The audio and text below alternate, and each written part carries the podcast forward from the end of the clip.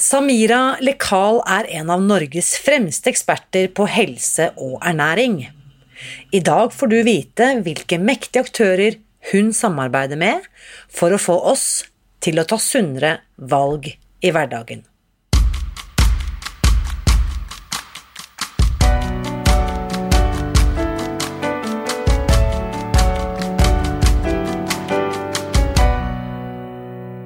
Mitt navn er Irina Lie.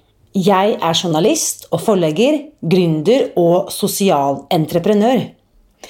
I 2015 spiste jeg meg fri fra overvekt og fedme etter å ha slitt med vekt, kropp og følelser i nesten 30 år. Etter at jeg fant oppskriften på å spise meg fri, ga jeg meg selv et nytt oppdrag. Å dele denne kunnskapen med alle som trenger det. I første sesong av denne podkasten deler jeg hele lydboken Spis deg fri. Den finner du ved å bla deg tilbake i arkivet. Og hver uke inviterer jeg nå gjester som gir deg påfyll til hodet, hjertet og magen. For min visjon er å endre Helse-Norge. Det får jeg ikke til alene. Du kan bidra ved å abonnere på podkasten, skrive en omtale i iTunes og dele denne episoden med noen du bryr deg om. Da setter vi i gang med ukens episode. Samira har studert medisin og psykologi, og er spesialist i indremedisin. Hvis du tar en eh, titt på CV-en hennes, vil du også se at hun har en doktor innen forebygging av hjerte-karsykdom og overvekt. Og selv om du ikke har truffet denne legen i hvit legefrakk nyter utrolig godt av hennes arbeid. Gjennom selskapet Green Nudge har nemlig Samira gjort en betydelig innsats for å få deg og meg til å ta sunnere valg i hverdagen. Det skal du få høre mer om i dagens episode. Før vi kommer så langt, vil jeg gjerne lese opp en tilbakemelding fra Nastasja Robstad, som jeg intervjuet for et par uker siden. Hennes eh, forskningsprosjekt viser hvilke fordommer tjukke pasienter blir møtt med i helsevesenet. Etter eh, at episoden ble sendt i podkasten, så skrev Nastasja følgende kommentar eh, på Facebook. Hun skriver Det er utrolig fint for en forsker å bli intervjuet til din podkast, Irina.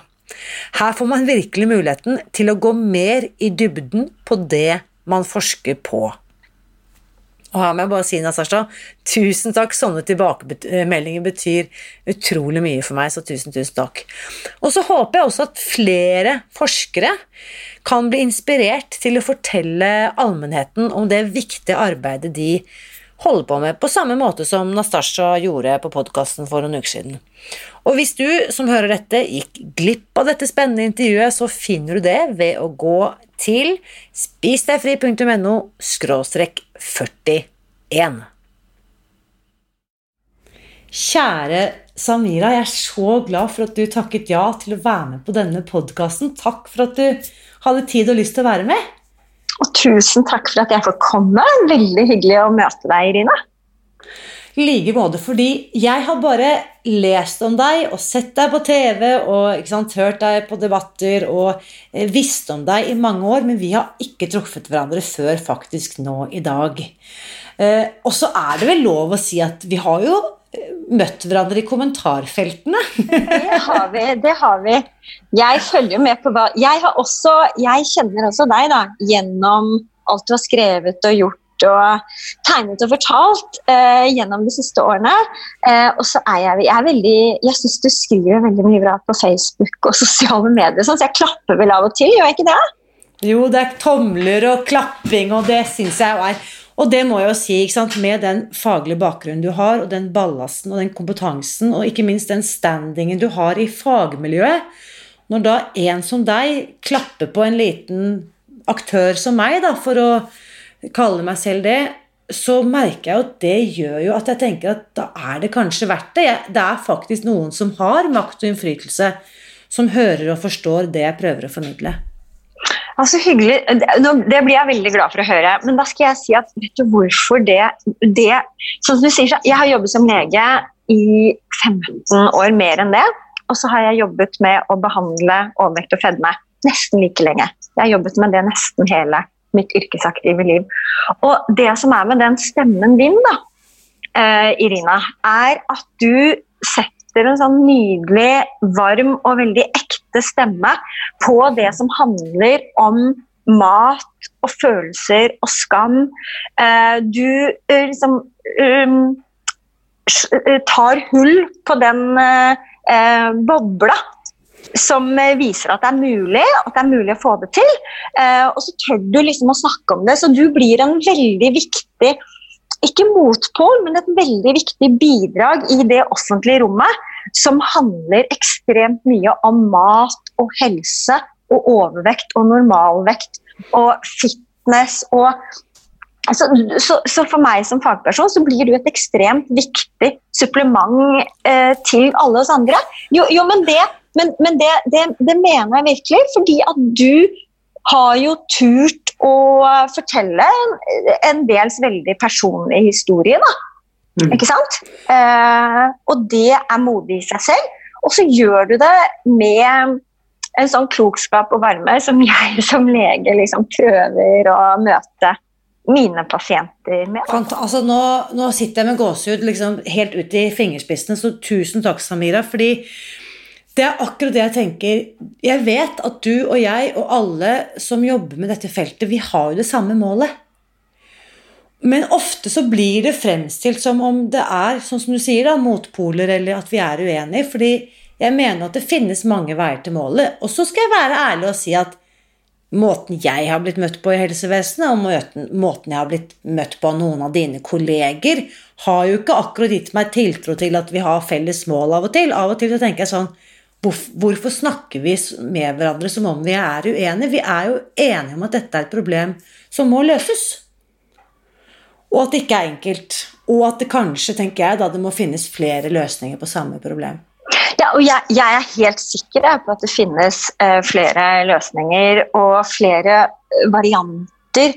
Og, For Det du snakker om, da, det er jo å finne en måte å leve på som gjør at um, mat eh, blir til glede og nytelse, og ikke mm. til uhelse og besvær. Mm. Og jeg blir både veldig lei meg og eh, betenksom da, eh, når du forteller at sant, du er kanskje blant de som opplever at ikke du er møtt av eh, sykepleiere og helsepersonell på en måte som, som, gjør at vi kunne hjelpe. Og det, vet du, det må vi lære. Fordi at du har garantert ikke møtt en eneste lege som ikke egentlig sånn Du er sånn fra doktorhjertet vil det vel, men så mm. får til. Det er litt den der opplevelsen at vi vil så gjerne, men så får vi ikke til. Men jeg må spørre, Samira. Eh, jeg vet også Jeg har jo eh, nære familiemedlemmer som er leger. Jeg har gode venninner. Bestevenninnen min er lege. Er det slik at det er litt forskjell på hvordan dere kvinnelige leger og dine mannlige kolleger møter oss pasienter? Kan jeg stille deg et litt sånn eh, forsøksvis nøytralt spørsmål? ja, er, nå går jeg sikkert litt i fella, da. Um, tja uh, uh, Jeg um, min, jeg tror at min, min viktigste forskjell starter med det først. Jeg er kvinnelig lege. Jeg tror at min viktigste forskjell i eh, pasientbehandling og behandling av overvekt og fedme har vært eh, å møte, i hvert fall forsøke å møte alle pasientene mine med en slags varme og forståelse. Eh, og det klarer jeg nok ikke alltid. Eh, og jeg tror at mange menn har det samme ønsket, eh, men det kan godt være at Eh, mange pasienter opplever at tilnærmingen eh, hos menn og kvinner er ulik. Og det, det, tror jeg jo kanskje at den bare er naturlig. Er den ikke det? Det er noe, det er noe mine mannlige kolleger er bedre til enn en meg, og motsatt. Men det jeg ofte tenker litt på, det er at eh, vi, er, vi, er, vi, flinke nok, er vi gode nok som helsepersonell til å erkjenne det vi ikke eh, får til helt optimalt. For faktum er at det å behandle overvekt, og spesielt hos barn og unge, som jeg jobber mest med, vet du hva, vi har ikke helt knekt den koden. Vi vet ikke helt sikkert hvordan vi gjør det best. Og det tror jeg vi må tørre å si. Det er så fantastisk at vi, er, at vi kan dra opp det store lerretet. For la oss si La oss ta det store bildet før vi snevrer inn. Fedme og overvekt. Siste tallene som jeg kjenner til, er litt i overkant av 7 av 10. Litt mer enn 70% av nordmenn er i kategorien overvektig eller høyere. Dvs. Si BMI på 25 eller høyere. Eh, kvinner rundt 22% fedme, menn enda høyere. 23-24% Det er det vi snakker om. Så per i dag er det unormalt å være normalvektig. Hvorfor er det så vanskelig? Hvorfor er det slik at bare én av 10 000 som forsøker å gå ned, eller som faktisk Altså, Hvorfor er det slik at én av 10 000 overvektige klarer å gå ned all sin overvekt og bli der etter syv år? Mm. Um, sammen Hvor mange dager har vi til å snakke sammen? du sa, ja. Uh, nei, ikke sant. At det er ikke tvil om at uh, uh, svaret på det spørsmålet er like sammensatt som antall personligheter og personlige preferanser osv. Jeg tror som fagpersoner, altså, hvis jeg skal snakke liksom om, om leger og helsepersonell som faggruppe, Eh, så tror jeg at vi er alle enige om at årsakene til overvekt og fedme er veldig sammensatt. Personlig så opplever jeg at vi litt numment gjennom enormt mange år har akseptert at vi eh, lever i og har drevet fram et veldig fedmefremmende samfunn. Vi har akseptert at eh, veldig mye av maten som vi eh, har blitt servert i eh, restauranter og kantiner og i dagligvarer osv. Vi har liksom akseptert at den egentlig ikke er eh, det som er best for oss. Og vi har på et vis akseptert at proporsjonene bare blir større og større. vi har akseptert at vi spiser mindre og mindre liksom det man kaller sånn i hermetegn ren mat. Eh, vi spiser f.eks. enormt mye mer prosessert mat enn det vi gjorde bare for noen tiår tilbake.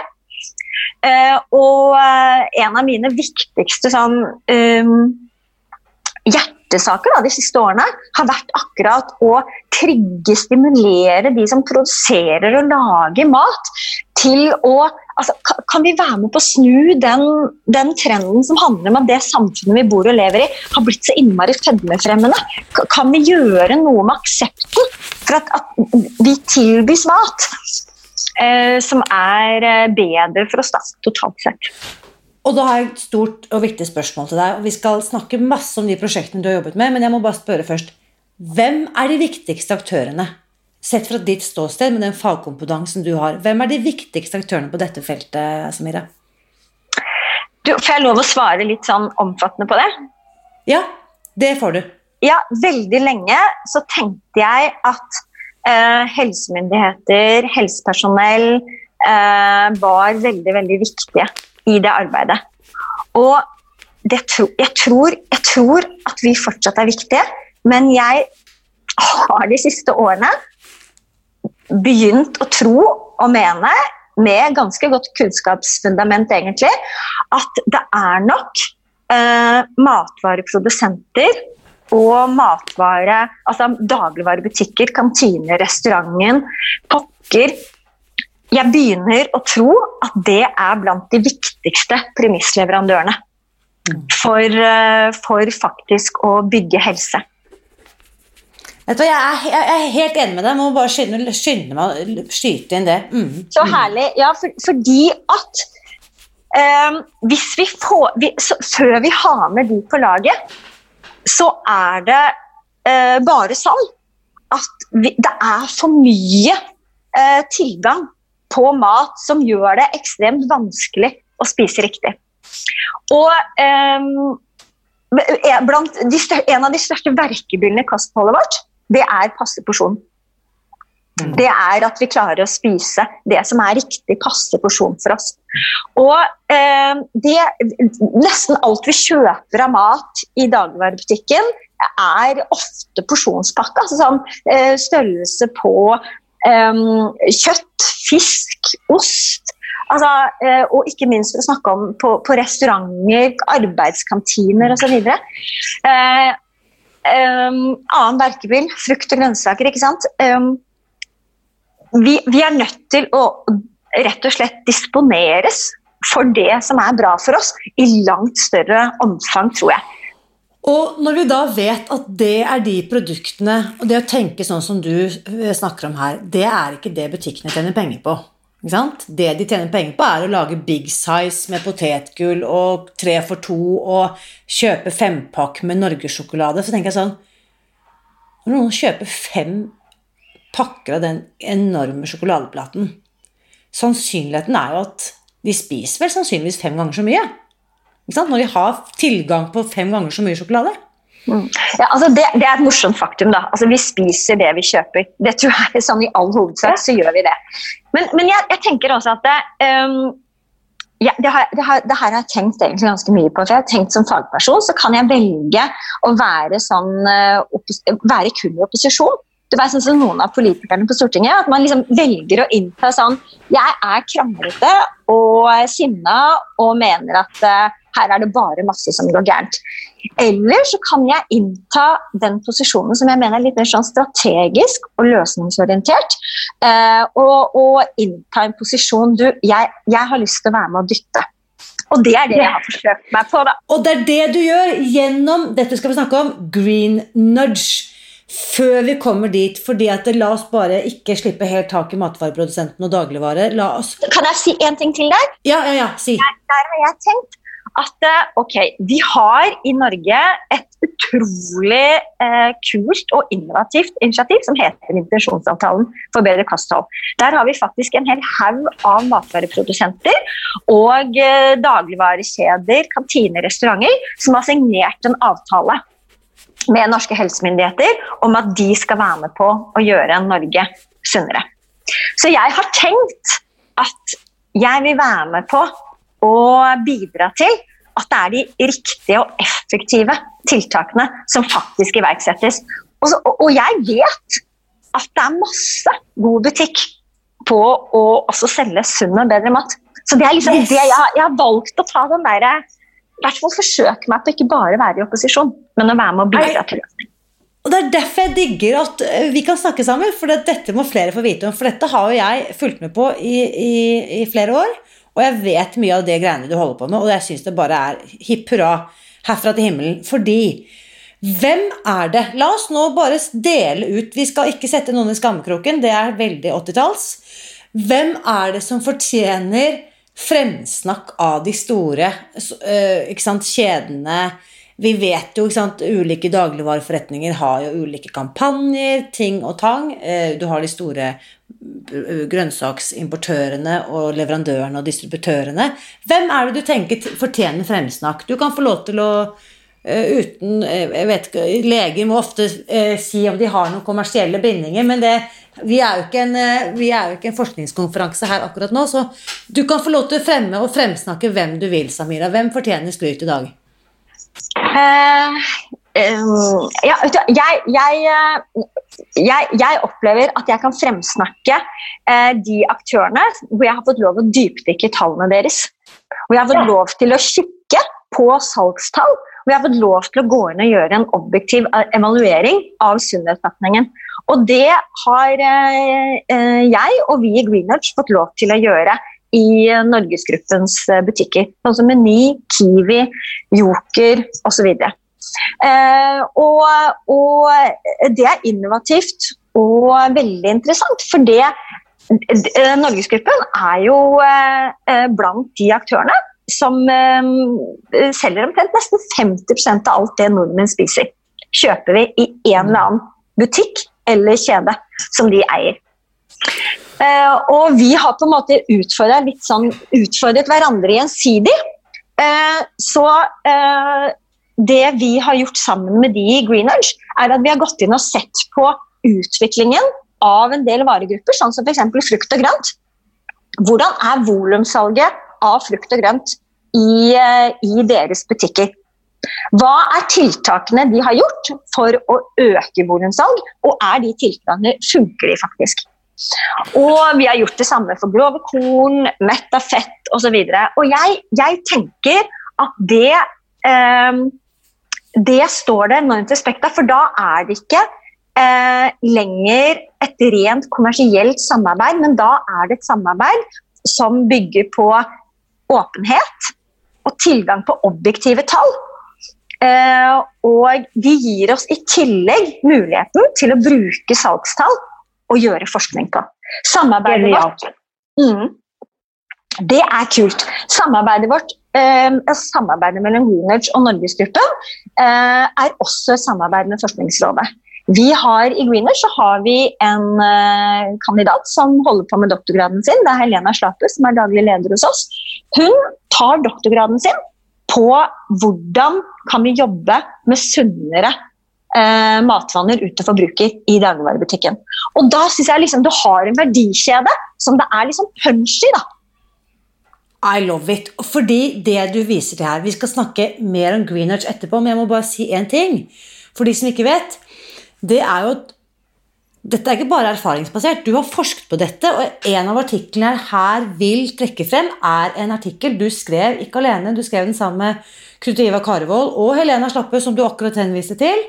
Eh, tilbake i 2017, eh, Norsk tidsskrift for ernæring, hvor det er artikkelen heter som følger Hvordan påvirke forbrukere til å velge sunnere mat?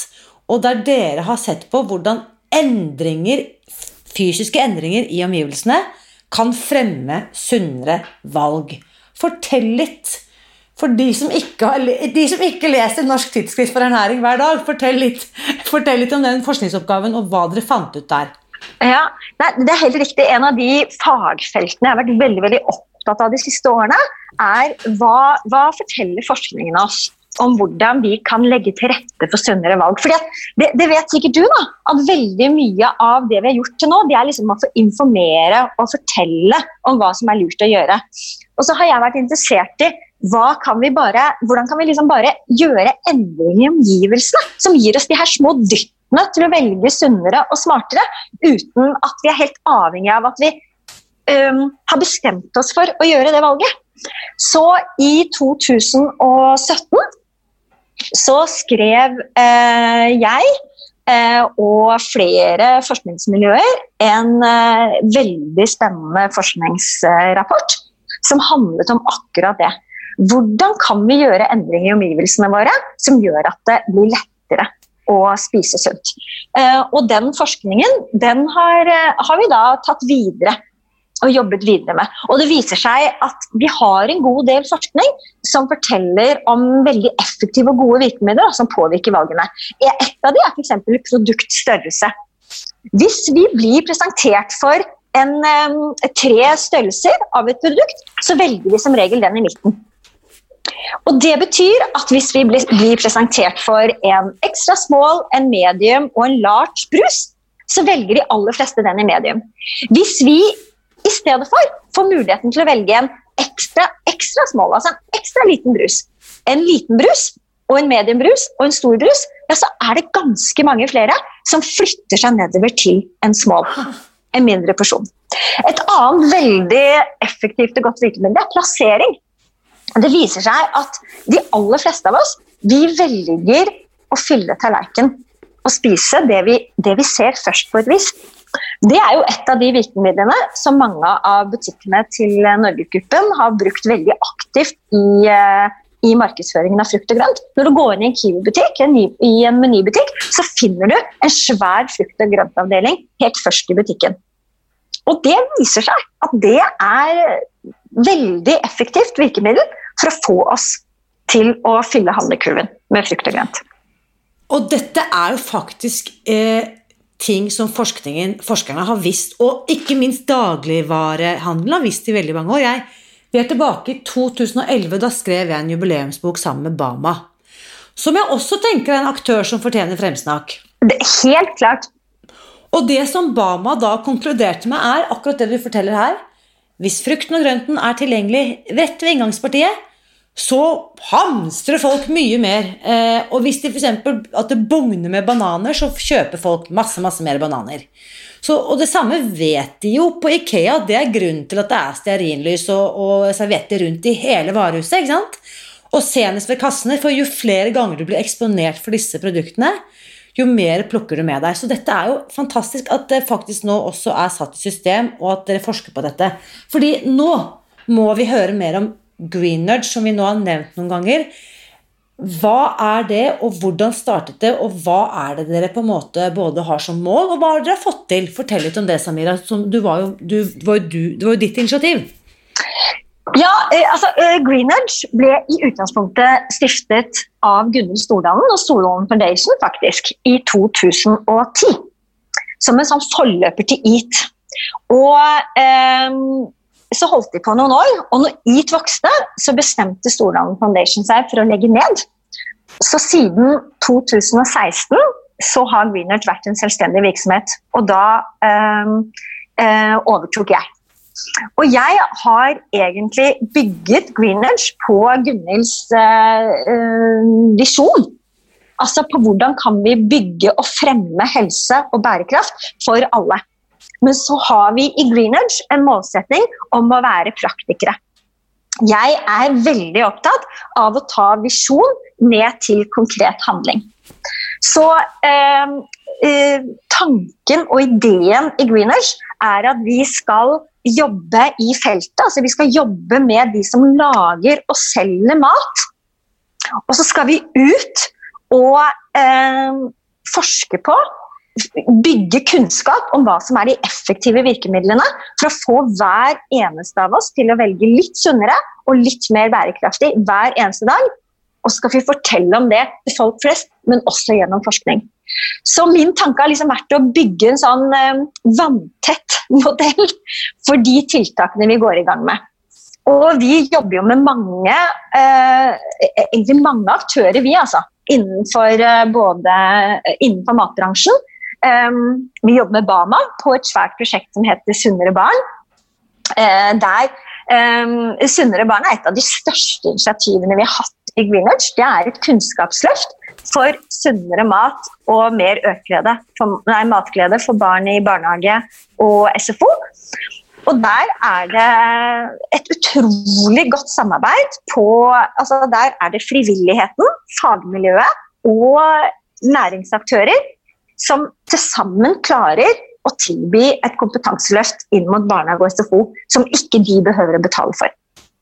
Ja, Det er helt uh, genialt. Ting skjer, altså. Det er så fantastisk å høre. Ja, ting skjer, og det, det, er, det, er, kult på den måten at uh, alle de her aktørene som er med på å finansiere sunnere barn, som er Gjensidigstiftelsen, Sparebankstiftelsen fra frivilligheten. Det er Senter for sykelig overvekt og Greenwich på fagsiden. Og så har vi med oss Bama, Lerøy, Nortura, Mils, Lerum, Asko og Norgesgruppen, som er med på eh, å vise sitt samfunnsansvar gjennom at de gir da et lite bidrag til å lage et fullstendig konsept som vi kan gå inn og formidle kunnskap og endring av kostholdsvaner i barnehage og SFO. Så jeg pleier å si at eh, Greenudge eh, også gjennom prosjektet Sunnere barn, men egentlig gjennom alle prosjekter. Vi har, og nå må du holde deg fast, det er skikkelig sånn eh, ambisiøs visjon. Men jeg tenker at vi skal liksom bidra til å bygge fremtidens forbruker, og det skal vi gjøre sammen. For jeg har en sånn uh, visjon om at fremtidens forbruker, som nå er dagens barn, at de bare at de har blitt vant til å spise frukt og grønt til alle måltider. Det er liksom noe som er en norm. Uh, I love it. ikke sant? Og det du sa i stad, apropos dagligvarehandel, det vi eksponeres for først, forsyner vi oss mer av. Og veldig mange har spurt meg Irina, du er mor til to jenter. Hvordan i all verdens navn kan du liksom etisk forsvare å holde på sånn som du gjør, og fremme liksom slanking og sommerkroppen? Så jeg, men du tar helt feil. Det er ikke det, noe av det jeg snakker om. Jeg har aldri brukt ord Det er ikke det jeg holder på med. Det er dine forestillinger i så fall om hva jeg holder på med. Det er helt feil. Fordi Slanking er et ord jeg tror barna mine Jeg tror ikke de visste hva det betydde engang. De hadde i hvert fall ikke hørt det på hjemmebane eh, så lenge de vokste opp. Og det som er så interessant, er at grunnen, sånn som jeg spiser som jeg gjør Det som har skjedd, er at de bare propper i seg mye mer av alt det grønne og fargerike og oransje og røde og gule maten som står fremme. For da har jeg gjort akkurat sånn som du da sier. Setter frem det først. Og når liksom de kommer sultne til bords, og maten er visst ikke helt ferdig, jenter, men bare setter det. Så sitter jo de og stapper i seg alt det som står der allerede, uten at jeg trenger å snakke så Jeg nudger! Dulter dem i Yes! Og det er litt Og meg selv. Eh, og, og, det tenker jeg at det, Bare det å skjønne hvordan både hjernen vår funker, hvordan vi tyr til enkle løsninger, og da må vi la de enkle løsningene være de sunne løsningene. Og det er det du da bidrar til med dette her prosjektet Sunnere barn. At barna får helt andre referanser til kos, feiring, måltider, vaner etc. etc. Fantastisk. Men det er, helt, det, er, det er, helt, riktig. Og det er derfor jeg løfter fram arbeidet. Du, du spurte i sted hva er noe av det viktigste vi har gjort i Greenwich så langt. Hvorfor er det Eh, hvorfor er det prosjekter som jeg syns er så inspirerende å jobbe med eh, med min eh, faglige bakgrunn? Jo, fordi at vi jobber med initiativer som virkelig har målbare effekter. Når vi går inn og ser på konsekvensen av å Eh, plassere matvarer i dagligvarebutikken på en litt annen måte. Gjøre mindre endringer i produkter som gjør at innholdet av metta fett i, i, produkter som vi spiser masse, blir litt lavere. Innholdet av sukker blir litt lavere.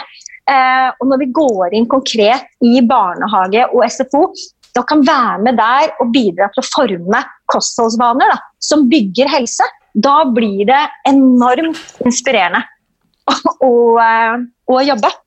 Um, så, så det, er det, det, er det, som liksom er uh, tanken med Greeners, at vi uh, jobber med de effektive og kunnskapsbaserte løsningene i praksisfeltet. Nå blir jeg uh, Dette er et stort sprang, men jeg tenker ikke sant, Du har jo Noen tenker liksom Samira eller Carl, det var jo et veldig eksotisk navn. ikke sant, Du har jo utenlandsk bakgrunn, og det samme har jeg. Og så vet vi også i dagens Norge, anno 2020 her snakker vi også om et kultur... Hva skal vi si klasseskille, da, for å kalle det det. Og vi vet også at mange av de som har eh, ikke-norsk bakgrunn, ofte, spesielt de som har immigrant- eller arbeidsinnvandringsbakgrunn, mange av de er kanskje ikke like ressurssterke, kanskje ikke like faglig sterke på norsken. Vi vet også at mange av de har et mye dårligere kosthold. Hvordan hva tenker du om dette, Samira, i forhold til liksom kunnskapsgapet, kompetansegapet, ressurs? Altså om det blir liksom klasseskille også i form av de som er i stand til å gjøre de sunne valgene, ha kompetanse til å gjøre det, og de som på en måte faller helt utenom?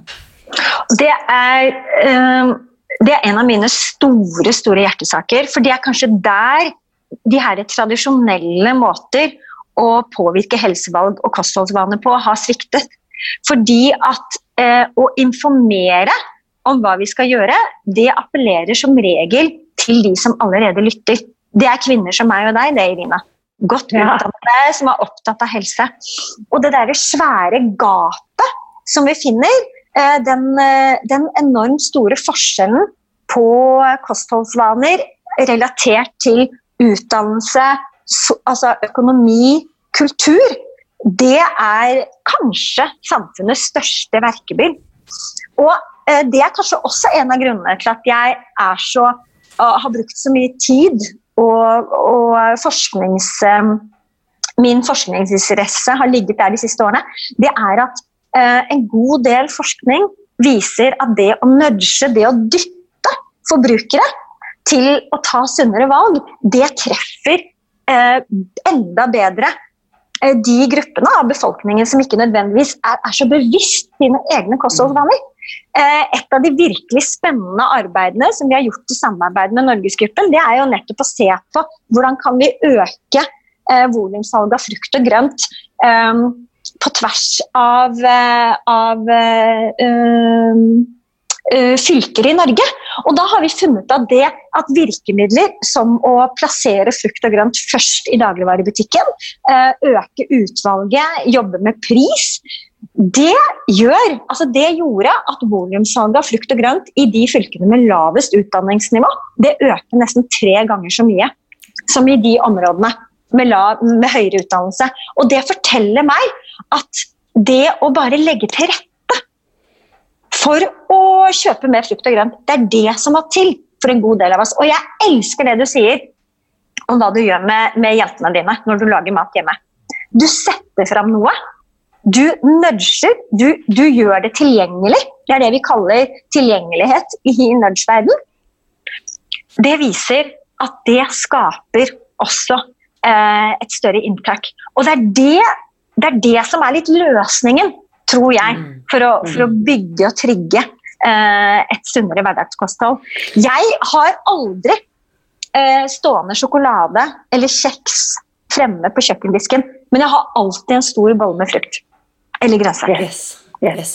Mm. Mm. Og det er litt det du sa tidligere, at det vi kjøper, det spiser vi faktisk. Så da er det kanskje greit å begynne å vise, tenke gjennom hva er det jeg velger å kjøpe? For det valget kan jeg jo ta i fred og ro etter at jeg har spist, mens jeg går mett. Det er da jeg kan sette meg ned og skrive handlelisten.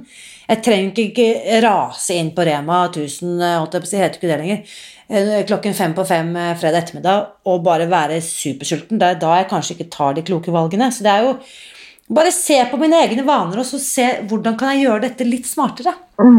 Men det må jeg si, Da må jeg få lov å gi deg et kompliment. da, igjen, fordi at Du sa i sted at sant, du kan få tilbakemelding på men hvordan kan du formidle til dine barn og til dine jenter en, en sånn slankekonsept. Og jeg, eh, jeg, er veldig enig med deg. Jeg opplever ikke at det er det du gjør. Jeg opplever at du forteller om ja, ja du, du, har jo vært veldig ærlig på i det offentlige rom og fortalt om hvordan din slankehistorie har vært.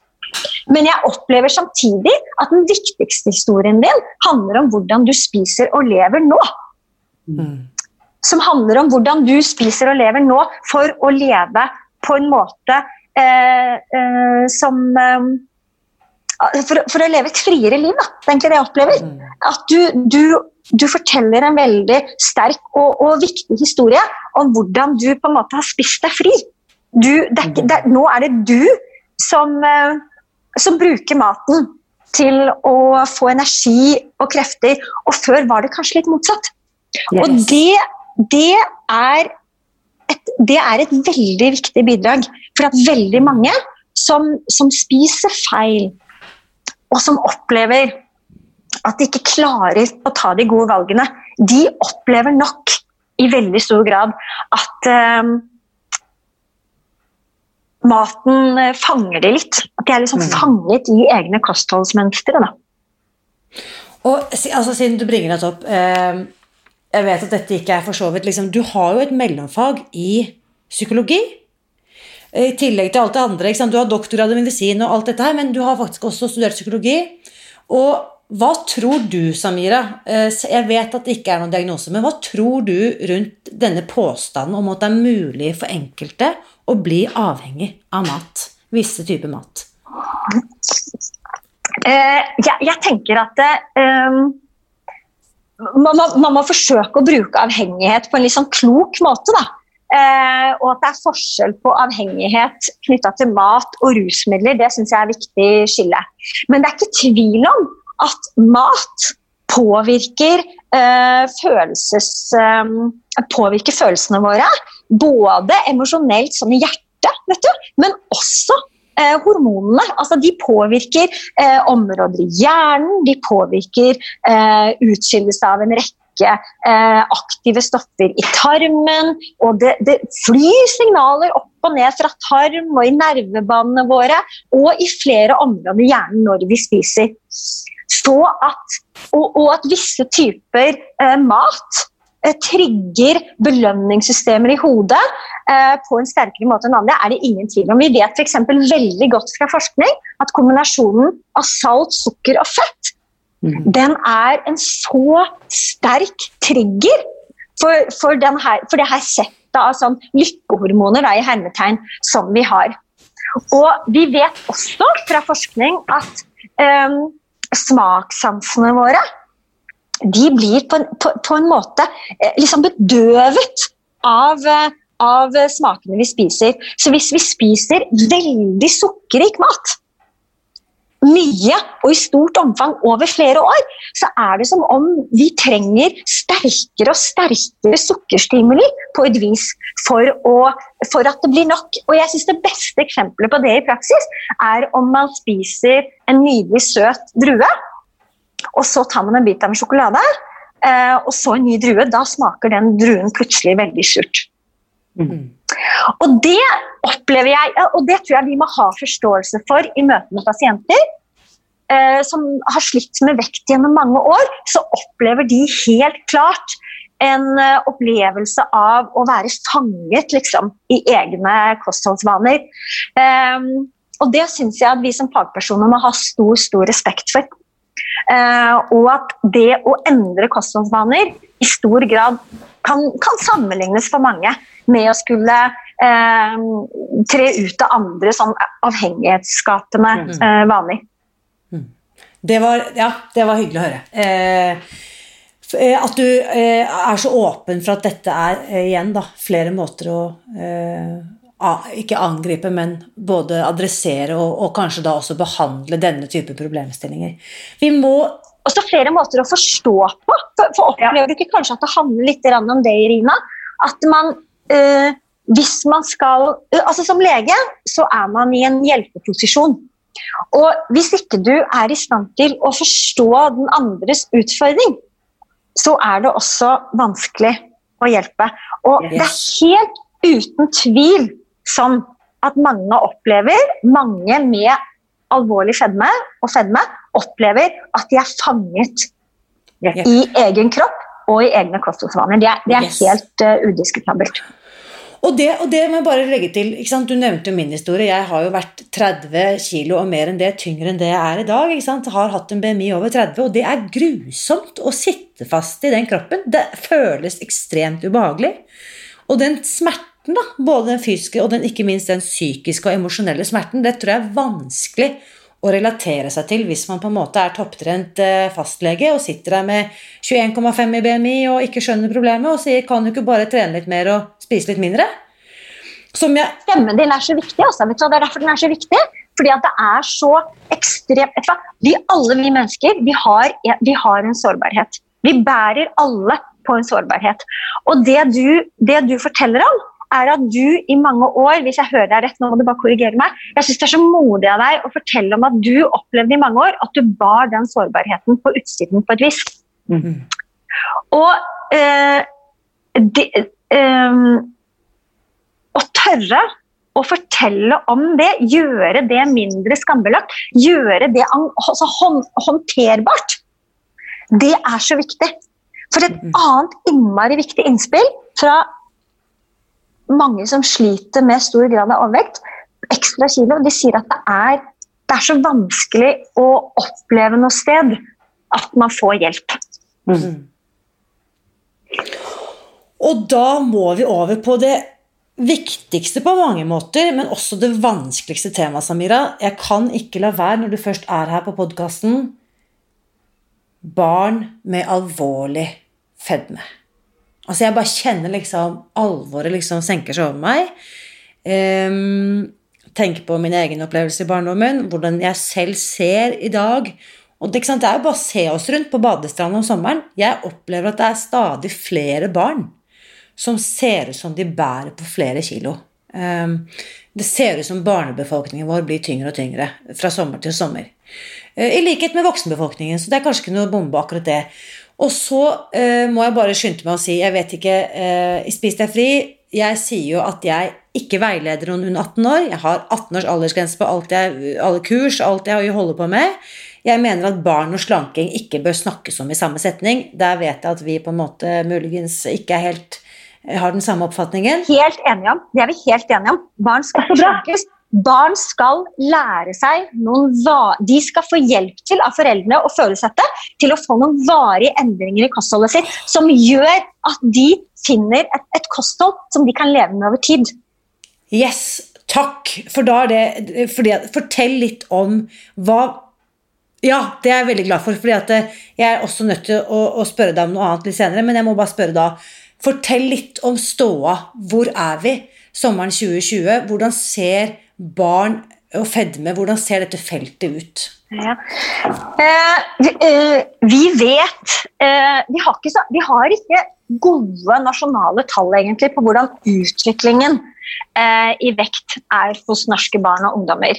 Eh, barnevektstudien den har vist eh, gjennom flere omganger at tredjeklassinger, der er det omtrent 20 av barna som har overvekt. Litt forskjeller sånn fra uh, by og land og deler av landet, men roughly ca. 20 uh, Og så øker den når du kommer opp i tenårene. Der den økte rundt uh, 30-40 litt avhengig av alder. Og så er vi da oppe i 70% som du sa, Irina, hos voksenpopulasjonen. Mm. Så hva er det som går galt, da? Hva er det som gjør at ikke vi klarer å, å veilede, begrense. Eh, hva er det som gjør at vi går fra 20% til 70% og hva er det som gjør at vi er på 20% andel barn og unge med overvekt over hodet? Eh, og eh, jeg har jobbet med barnefadene, hatt eh, fagansvar på kompetansesenter gjennom mange mange år. Og jeg er den første til å erkjenne at vi, har, vi får til å hjelpe noen, vi får til å hjelpe en god del, men vi er ikke på langt nær der at vi klarer å hjelpe alle. Vi må bli bedre og flinkere på å klare å treffe de familiene som sliter med vekt og vektutfordringer. Og så sier du at vi, vi, vi snakker aldri om å slanke barn. Vi snakker om å, å hjelpe barn til å vokse inn i sin egen vekt. Og jevnt over så er målsettingen for barn under tolv år å stabilisere vekten når de fortsetter å vokse i høyde.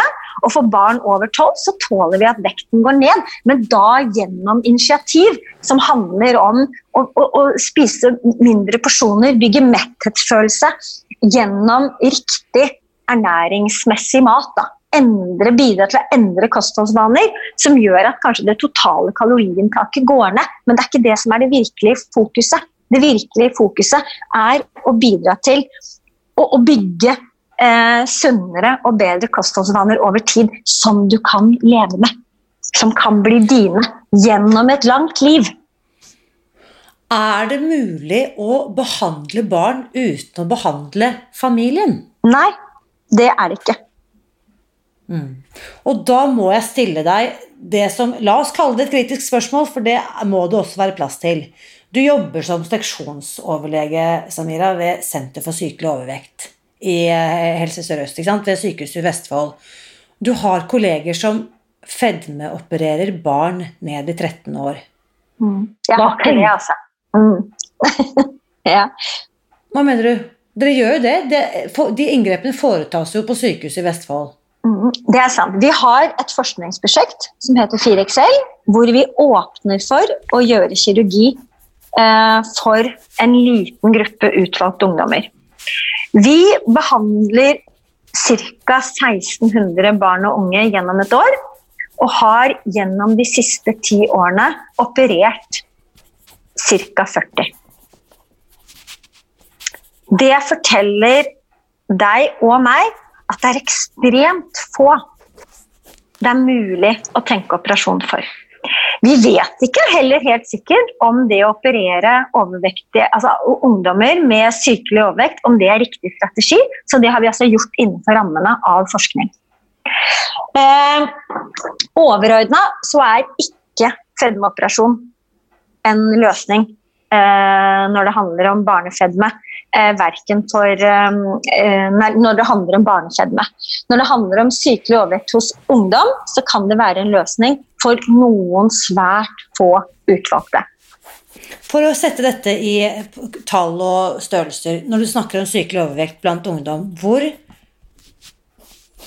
holdt jeg på å si, høye og tunge er disse barna, så folk bare kan få et begrep? Mm. Ja, det er, viktig, at, det, er, det er, viktig at her snakker vi ikke om barn. Vi, har, vi, vi opererer aldri barn. Det, det, er snakk om et et lite fåtall av ungdommer som har, har vært inkludert i det forskningsprosjektet. Eh, ja, altså barn, De er jo barn faktisk eh, per lov frem til de er 18 år, så de er jo barn ned i 13 år. Ungdom, da. Ungdom ned i 13 år. ja. Uh, og det her er ordentlig, dette er ordentlig krevende. Dette er noe av det mest krevende forskningsprosjektet jeg har vært involvert i og ledet som lege, må jeg, må jeg si. Eh, fordi at det er eh, Vi har ikke sikker kunnskap om, om, om, at det å operere ungdom er riktig per i dag. Det er derfor denne behandlingen har vært tilbudt innenfor rammen av forskning. Eh, den viktigste erfaringen vår som vi har per i dag, er at hvis utredningen og oppfølgingen er grundig og god nok, så eh, har det vært viktig for de få utvalgte.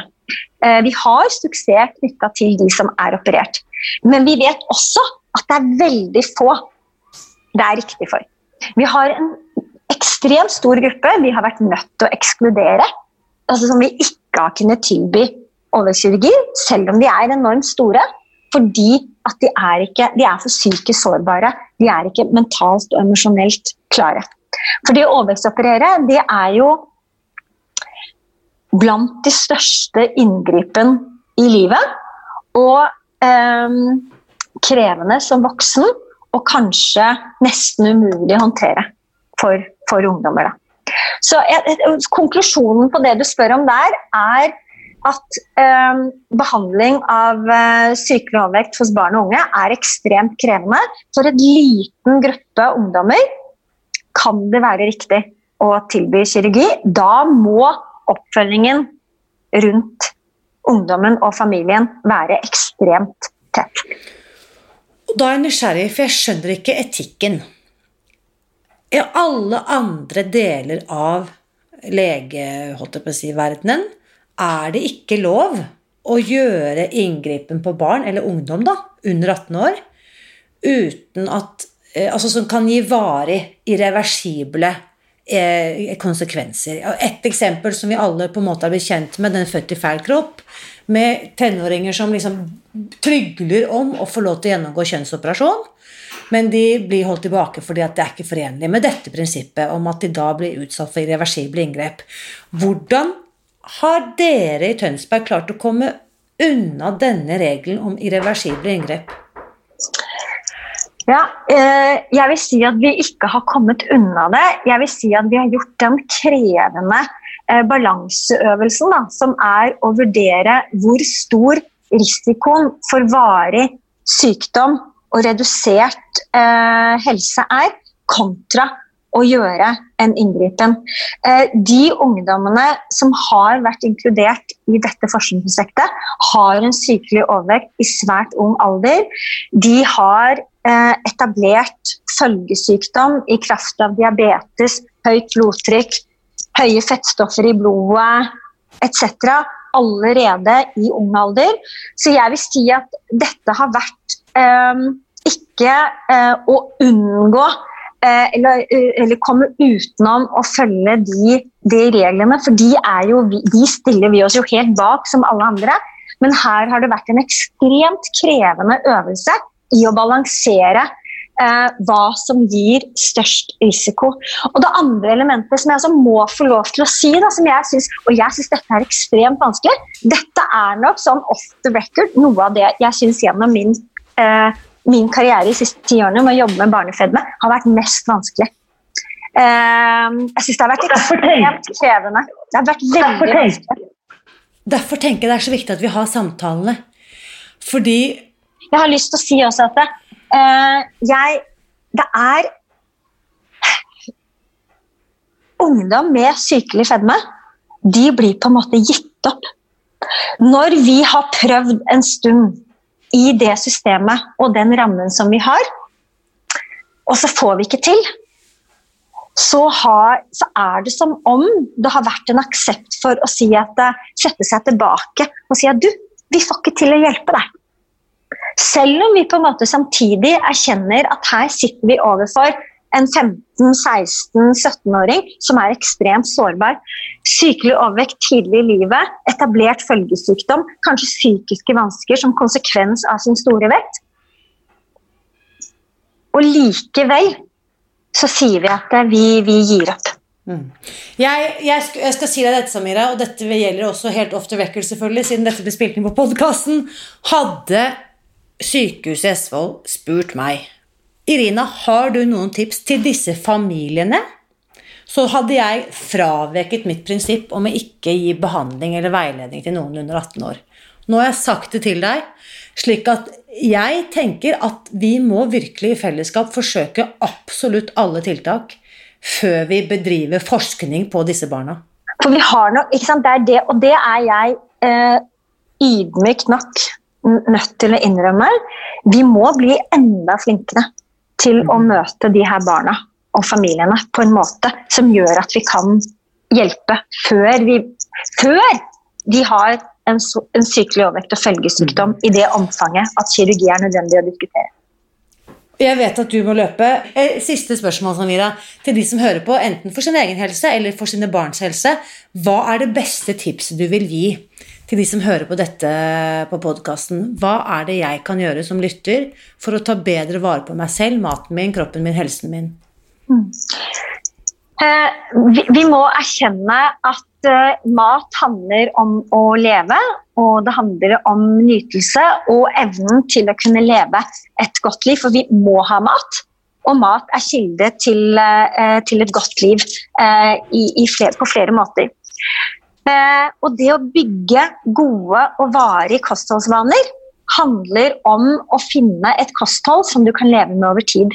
Og mine mest sentrale og klare føringer på hvordan å få til det i sin hverdag, handler nummer én om å eh, definere hva som er hverdagskosthold, og hva som er festmat. Mm. Eh, nummer to eh, så er jeg opptatt av at vi spiser noe renere mat. Spis fersk frukt, ferske grønnsaker. Eh, spis eh, i større grad eh, ren fisk. rent hvitt kjøtt. Mm. Spis mindre bearbeidet mat totalt sett. Og så drikk vann. Drikk vann. Så enkelt. Og øv på å kjenne etter når du er sulten, og når du er mett. Sånn at du ikke konstant går og overspiser. Spis passe store porsjoner. Fantastisk. Og så er jeg veldig opptatt, og det er vel kanskje blant de få kjepphestene jeg har som er sånn ikke. Jeg prøver å formidle positiv egenskap, men, men sukker Altså, spis mindre sukker i hverdagen. Dette er musikk i mine ører. Samira, eh, tusen, tusen takk. Takk for samtalen. Takk for det viktige arbeidet du gjør på så mange felt. Hvis du har lyst til å delta i samtalen etter dagens episode, så kan du bli med i den åpne Facebook-gruppen vår Spis deg fri. Her kan du gjerne dele dine tips, eller om du har noen små triks eller tips i hverdagen for å ta litt sunnere valg. Og det får meg også til å tenke på et utrolig viktig og verdifullt verktøy, kanskje det viktigste hjelpemiddelet vi har i hverdagen, som veldig mange av oss glemmer, nemlig pusten. Min egen pust. De siste årene har jeg nemlig fordypet meg i ulike pusteteknikker, og også sett nærmere på vitenskapen som ligger bak, la oss kalle det helsefremmende pust, både som yogalærer og i løpet av de siste årene hvor jeg har fordypet meg i dette med kosthold og meditasjon. Så neste helg, vil si 19. til 21. juni, så arrangerer jeg for første gang en nettbasert workshop hvor jeg inviterer deg til å teste ut disse teknikkene på deg selv. På denne workshopen så vil du lære noen helt enkle øvelser som eh, kan hjelpe kroppen din til å våkne opp. Og en annen øvelse som kan hjelpe deg å roe ned. Og også pusteøvelser som kan hjelpe deg til å sovne inn når du trenger det. Hele denne workshopen foregår virtuelt. Det betyr at du kan delta hjemme fra kjøkkenet eller hjemme i din egen stue, Og denne, denne, workshopen finner du mer informasjon om på min nettside, som da er irinali.no skråstrek pust. Og her i podkasten neste uke så skal du få møte en mann som har betydd utrolig mye for min mentale helse, for å si det sånn. Hans navn er Tommy Fjellheim, og hvis du tenker at det navnet har du hørt før, så er ikke det så rart, for han er en av Norges mest kjente tanketrenere. Og neste søndag så deler han sine beste tips for mental trening på 123, Så kom tilbake til podkasten neste søndag. Og hvis du har hørt noe denne uken som du syns var interessant, eller tankevekkende, eller provoserende, eller engasjerte deg på en eller annen måte, så vil jeg så gjerne at du skriver en omtale av denne podkasten i iTunes. Da bidrar nemlig du til at flere kan oppdage denne episoden og få glede av det vi snakket om her i dag. Mitt motto er nemlig at gode nyheter er skapt for å deles, så hvis du har lyst til å hjelpe meg med det, så klikk lik og del. Husk også at jeg heier på deg. Alltid.